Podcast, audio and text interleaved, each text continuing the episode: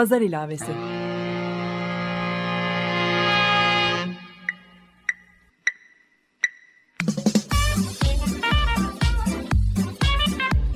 ...1936'dan günümüze 80 yıllık bir zaman tüneli. Hazırlayan ve sunan Didem Özbek.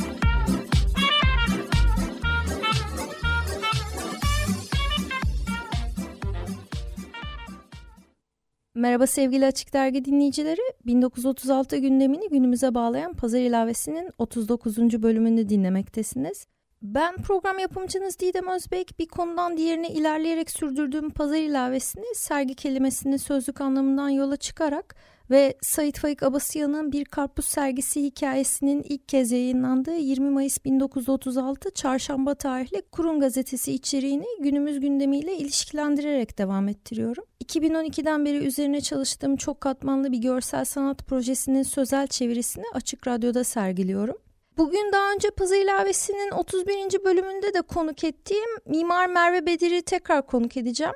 Ve kendisiyle 15 Temmuz 2016 Cuma öğleden sonrası siz pazar ilavesi dinleyicilerinin de katılımına açık olan Haydi Yüzmeye Gidelim, Haydi Vapurları izleyelim başlıklı dört perdelik bir sanatçı yürüyüşü sayesinde Sait Faik Abasıyan'ın bir karpuz sergisi hikayesinde anlattığı yüzme rotasını 80 yıl sonra nasıl yeniden yürüdüğümüzü konuşmak için bir telefon bağlantısı gerçekleştireceğim. Sevgili göçmen mimar Merve Bedir bir kez daha pazar ilavesine hoş geldin.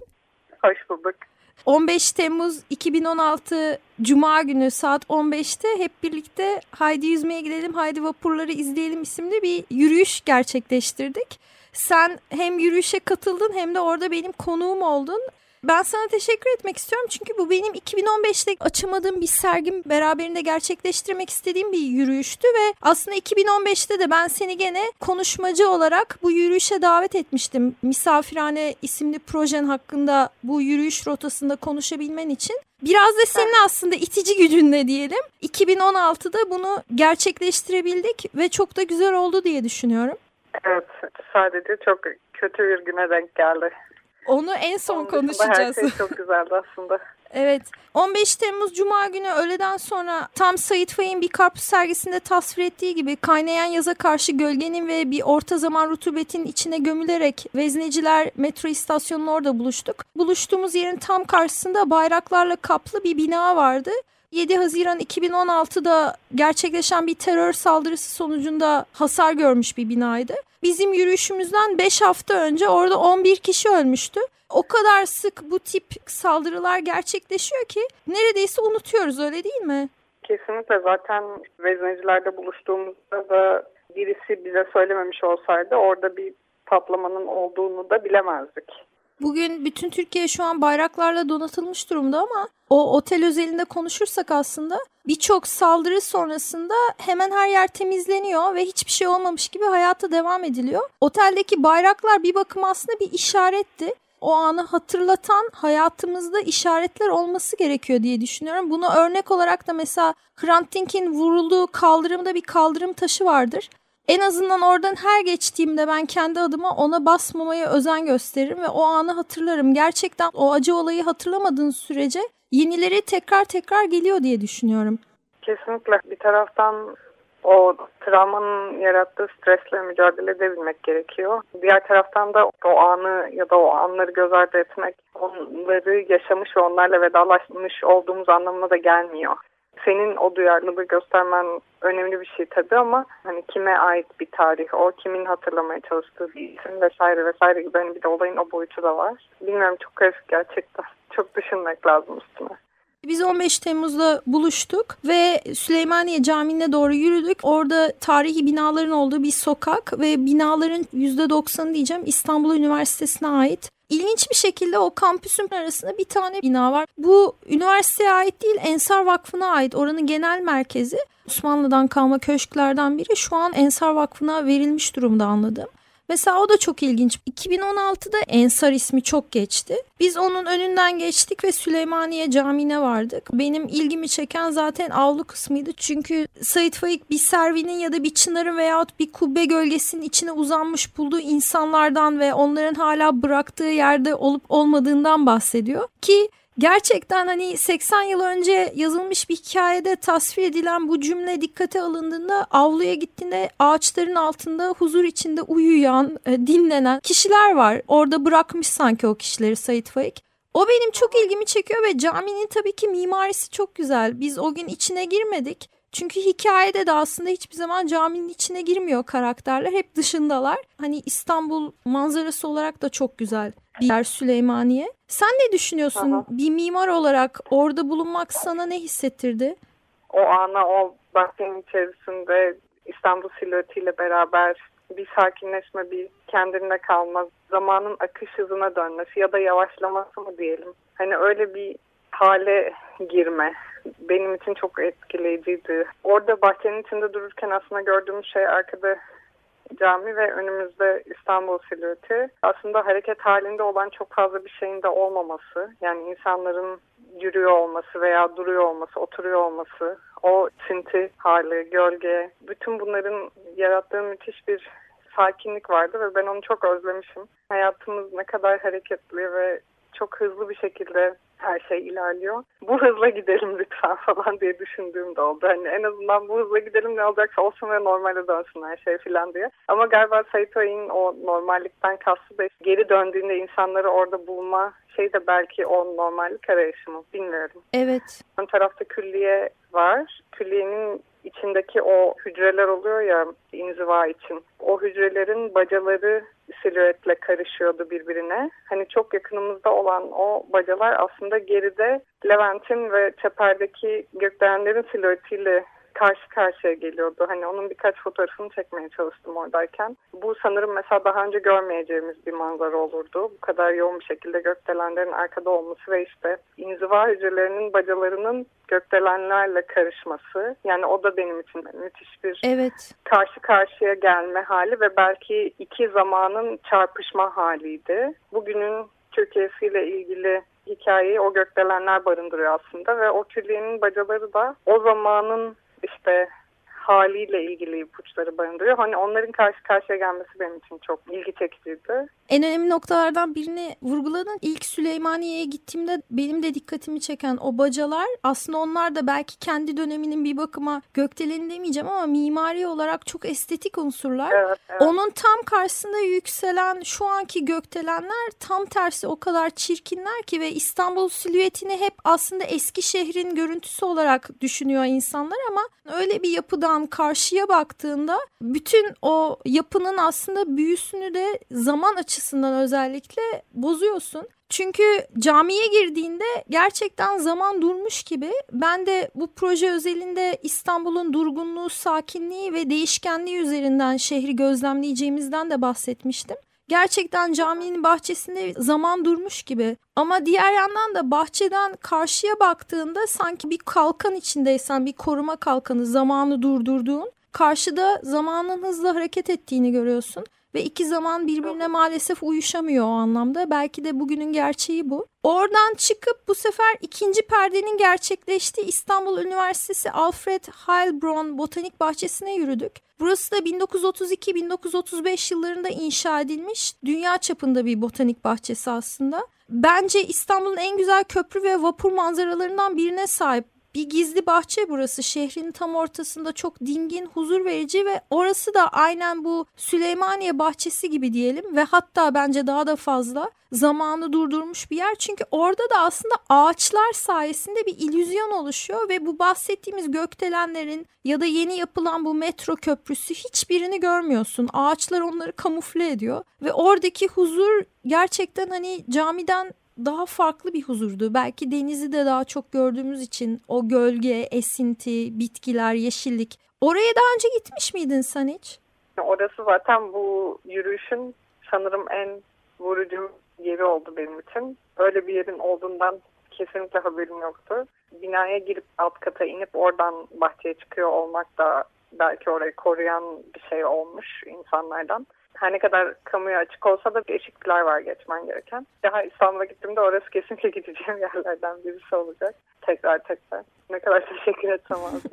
Ben burada dinleyicilerimize bir bilgi vermek istiyorum. İstanbul Üniversitesi Botanik Bahçesi hafta içi 9-4.30 arası açık ve ücretsiz ziyaret edilebiliyor. Hafta sonları kapalı. Dolayısıyla bizim bu yürüyüşü cuma öğleden sonra gerçekleştirmemizin en önemli sebeplerinden biri de aslında botanik bahçesini ziyaret edebilmekti. 1932'de bu bina inşa olurken önce tabii bahçe kurulmuş. Bitkiler yetiştikten sonra bina inşasına başlanmış. Dört katlı yapılmış. 50'li yıllarda Adnan Menderes İstanbul silüetini bozduğu için bu binanın iki katını tıraşlatmış. Bugün tam tersi demin konuştuğumuz Süleymaniye'de olan şeyler üzerinden şu an bina iki katlı olarak İstanbul Üniversitesi Ziraat Fakültesi bünyesinde eğitime devam ediyor. Ama ilk inşa olduğunda dört katlıymış. Hani dört katlı bir binanın iki kata düşürüldüğü bir İstanbul'dan bugün gökdelenlerin inşa olduğu ve tamamen kontrolsüz bir İstanbul'a gelmiş bulunuyoruz. Diğer yandan 2013'ten beri bu bina ve bahçenin İstanbul Müftülüğüne devri gibi bir karar söz konusu. Eğer bu gerçekleşirse 80 yıllık bir ekolojik birikimin sona ermesi tehlikesi ortada. Bu da bence önemli bir detay. Yani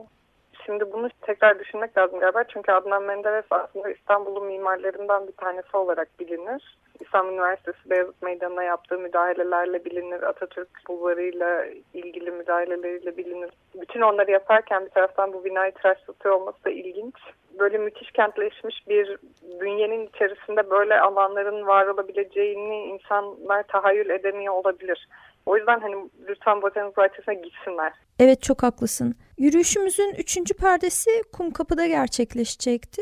O gün botanik bahçesinden hep birlikte çıktık ve tekrar Süleymaniye'nin eski İstanbul Osmanlı sokaklarından, dar sokaklarından geçerek ki beni o sokaklarda yürürken en mutlu eden şeylerden biri de hani karpuz sergisiyle karşılaşmadık bu sokaklarda ama meyve sergileriyle karşılaştık. O ilginçti. Onların arasından geçerek İstanbul Üniversitesi'nin bu ana kapısının önünden geçerek ki onun altına da bir yeraltı yolu yapmışlar. Viyadük mü deniyor bunlara bilemiyorum. 2015'te sanırım açılmış. O da başka bir İstanbul müdahalesi. Çünkü tarihi kapının tam altını oyup aslında bir yeraltı yolu yapmışlar. Deprem üzerinden de konuşursak eğer herhalde İstanbul Üniversitesi'nin tarihi kapısının zeminini de bir bakıma zayıflatmış oluyorlar. Belki de inşaat mühendisliği adına güçlendirmiş de olabilirler. Hakkında bir bilgim yok. Oradan çıkıp eski Polonya pazarı, Çınaraltı ve Saflar üzerinden kum kapıya doğru ilerledik. Sahafların girişinde de çok ilginç gene seyyar satıcı diyeceğim ama sergi kelimesinin sözlük anlamının birebir görselleştirildiği tesbih satan, ikinci elmalar satan birçok insan vardı çınar altında. Orada biraz vakit geçirdik. Gene bu sergi kelimesinin sözlük anlamı üzerinden konuştuk. Etrafı gözlemledik. Alış satış işlemlerini biraz takip ettik. Daha sonra da Sahaflar Çarşısı'na girdik.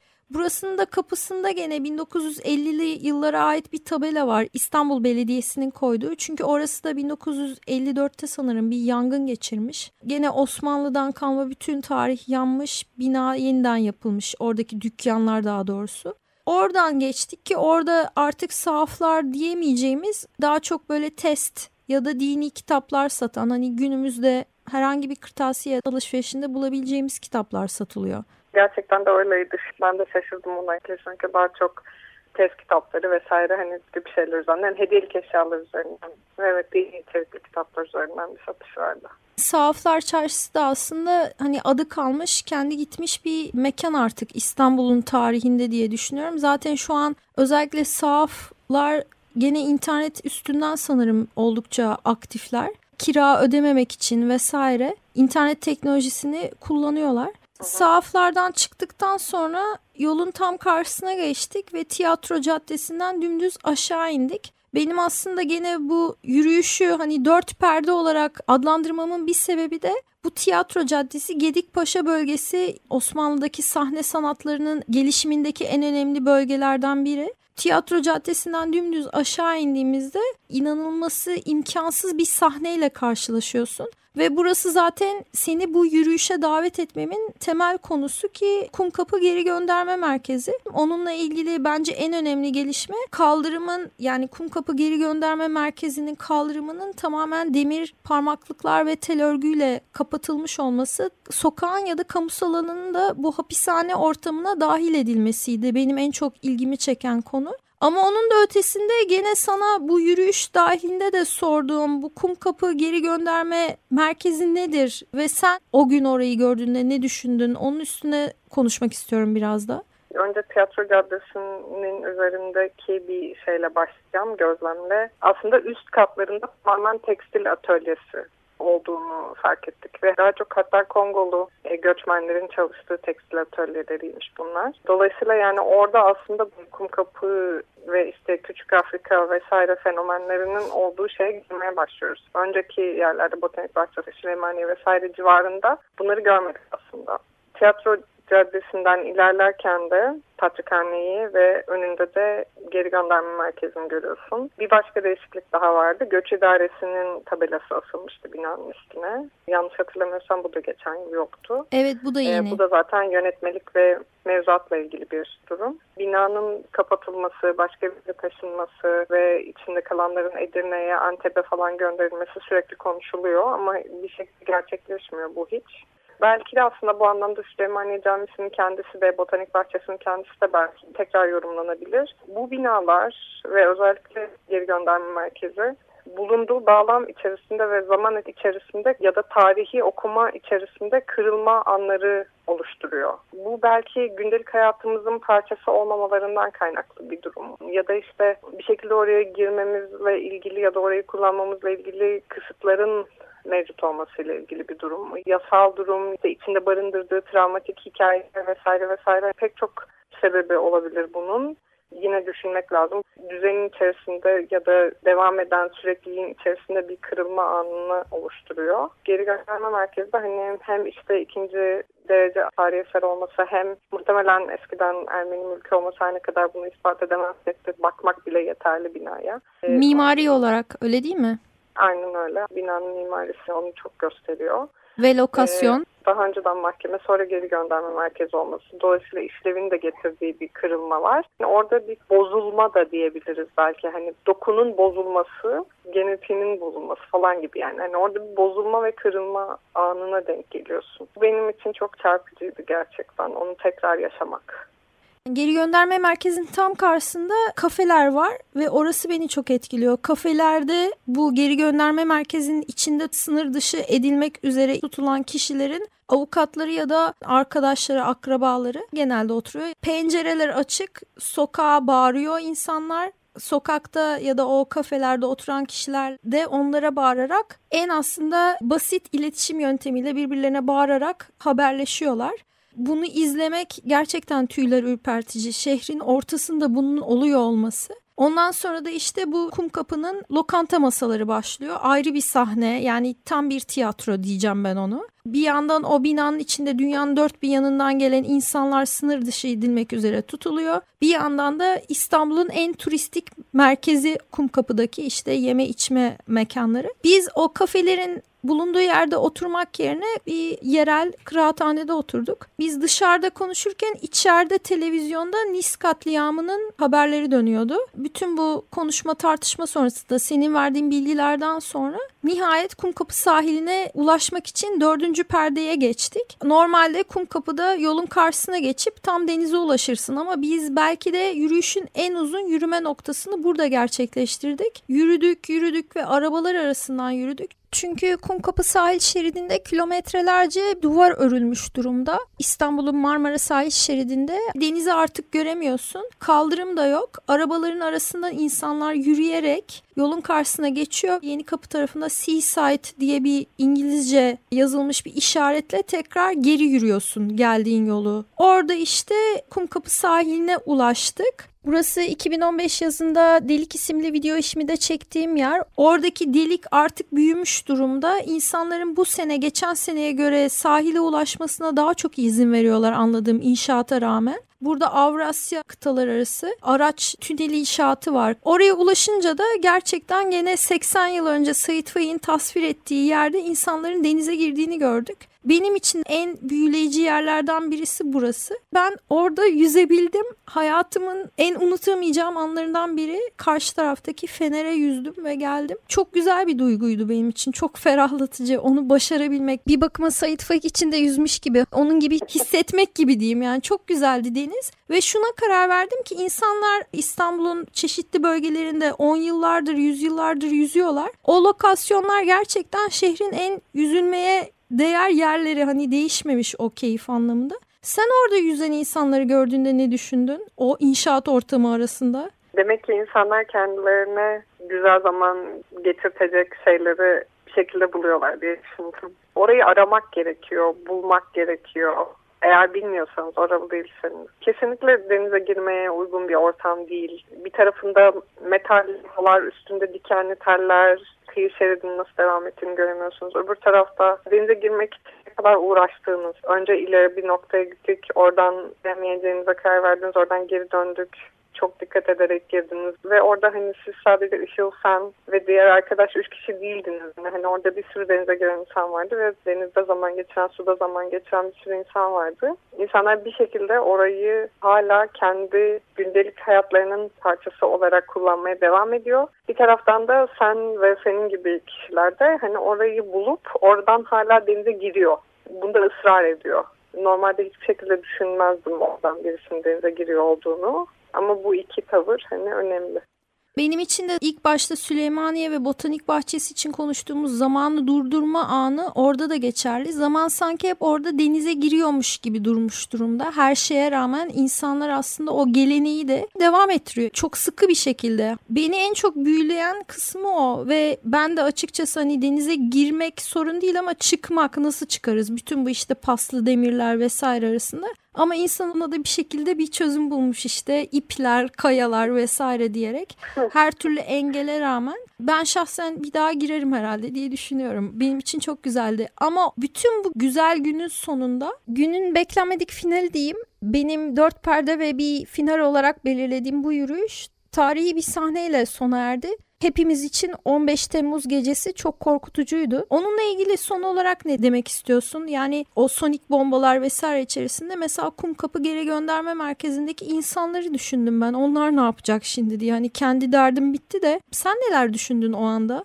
O kadar çok his var ki hani tüm bunları unutmamak için olanları tek tek yazdım. Çünkü daha yüksek bir ivmeyle hızlandırılmış bir şekilde yaşadık bir sürü şeyi. Dolmuşla geçerken askerle polisin karşı karşıya geldiğini gördük aslında belli noktalarda ve hatta biz dolmuşun içinde buna inanamadık. Gülüşmeler oldu, işte yok canım artık ne darbesi diyenler oldu. Yaşadığımız şeyin gerçekliğine inanamadık. Gün içerisinde yaptığımız yürüyüşte de pek çok noktada onları hissetmiştim. Botanik bahçesinin içerisinde de burası gerçek mi? Kumkapı Geri Gönderme Merkezi'nin önünde de burası gerçekten var mı? Ya da işte metal levhalar ve işte diken teller arasındaki palmiye ağaçları bu gerçek mi? Hani bu gerçek mi dedirten o kadar çok şey vardı ki aslında o gün. Belki o da onun devamıydı yani. Biraz hani daha abartılı ve daha büyük bir haliydi ama Türkiye'de hani bunu gerçekten yaşıyor muyuz?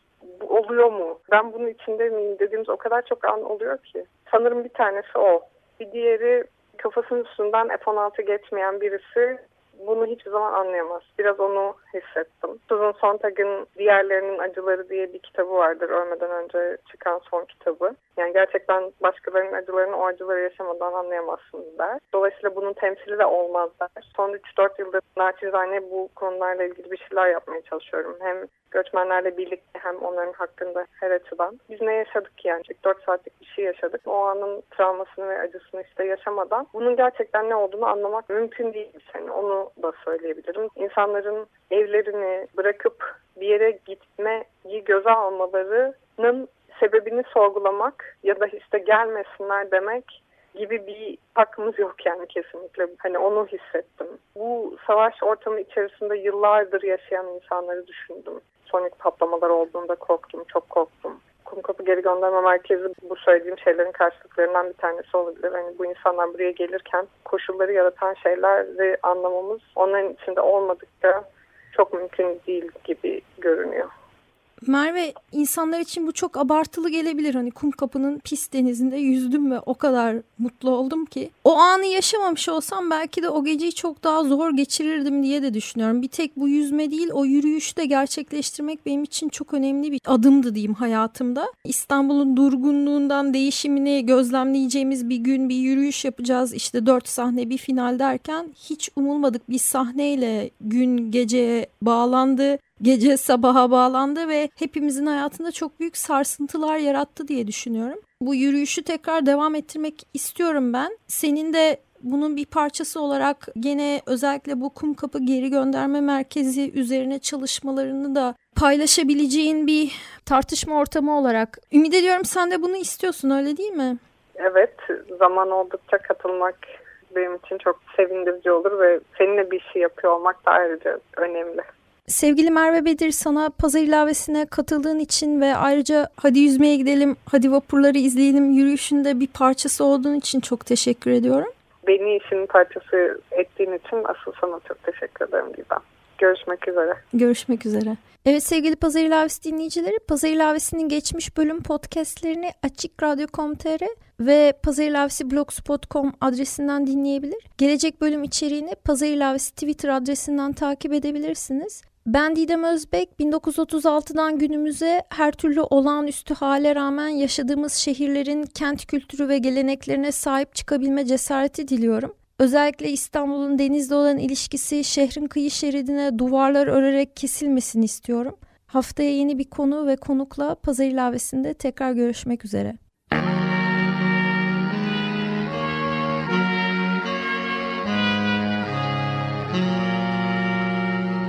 Pazar ilavesi.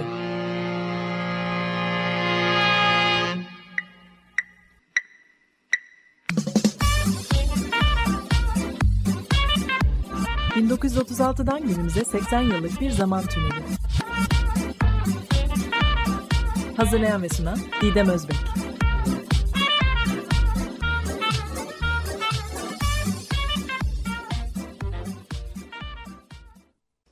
Açık Radyo program destekçisi olun. Bir veya daha fazla programa destek olmak için 212 alan koduyla 343 41 41